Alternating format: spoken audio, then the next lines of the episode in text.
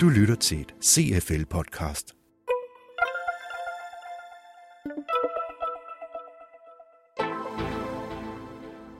Velkommen til Lydnyt fra CFL.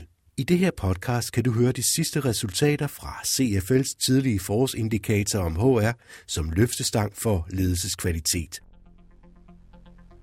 I hele marts har det handlet om samspillet mellem HR og ledelse, fortæller CFL's administrerende direktør Venke Strømsnes.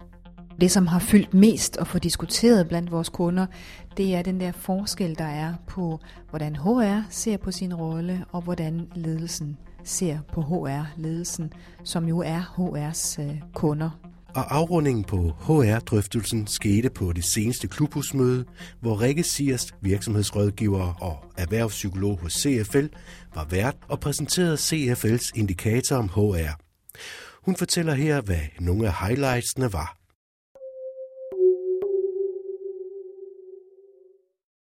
Jeg synes faktisk, at vi fik bekræftet det her med et fælles sprog og et, øh, en fælles kultur omkring om at være en del af en forretning. Direktionen er en del af forretningen, det er ledelsen, øhm, men det er HR også. Og HR ser ikke altid sig selv som en del af forretningen.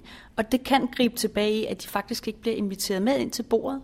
Men det kan også gribe fat i, at øh, man simpelthen står og taler to forskellige sprog. Den ene øh, kommer fra Frankrig, og den anden kommer fra England, og de kan ikke rigtig forstå hinanden. De kommer med hver deres kultur.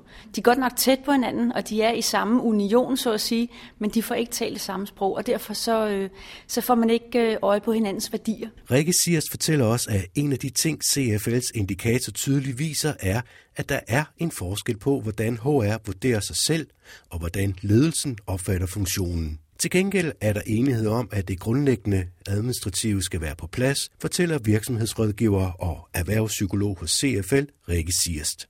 Det blev blåstemplet. Ja, det, det er det, vi leverer. Og jeg kunne også se på nogle af de svar, øh, nogle af de udsagn, som HR-folkene kom med, at der er måske ikke tid til at lave andet end driften. Altså, vi har været igennem 5, 6, 7, 8 års krise efterhånden, og HR er blevet skåret ind til benet. Så hvad er det, de skal levere med? Og det er også derfor, at jeg kom med en opfordring til lederne om, at de skal tage en beslutning om, hvad er det, de gerne vil have fra HR. Fordi hvis de gerne vil have en HR, som leverer ind i forretningen og som ser forretningen, så er HR også nødt til at have ressourcer til at lave andet end konteringer og lønkørsler og mus og koncepter og, og det her øh, sådan lidt mere basale HR-arbejde, som selvfølgelig det skal være på plads, men vi kan også godt bygge ovenpå og så bygge ind i forretningen.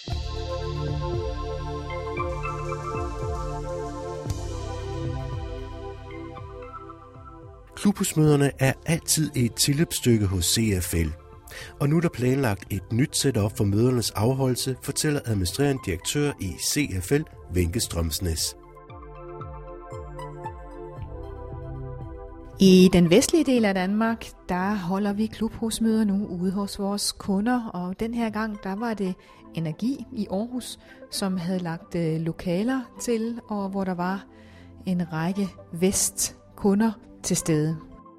Næste klubhusmøde, det er den 5. maj. Det handler om øh, holdningsmobilisering, mobilisering af forandring. Hvordan er det, vi får skabt nogle forandringer, som er vedvarende? Og øh, det kommer vi blandt andre steder til at holde i øh, Aalborg, og selvfølgelig også i vores lokaler på øh, Folkebæren Dortes Allé. Vi ser meget frem til at tage fat i det her tema omkring holdningsmobilisering.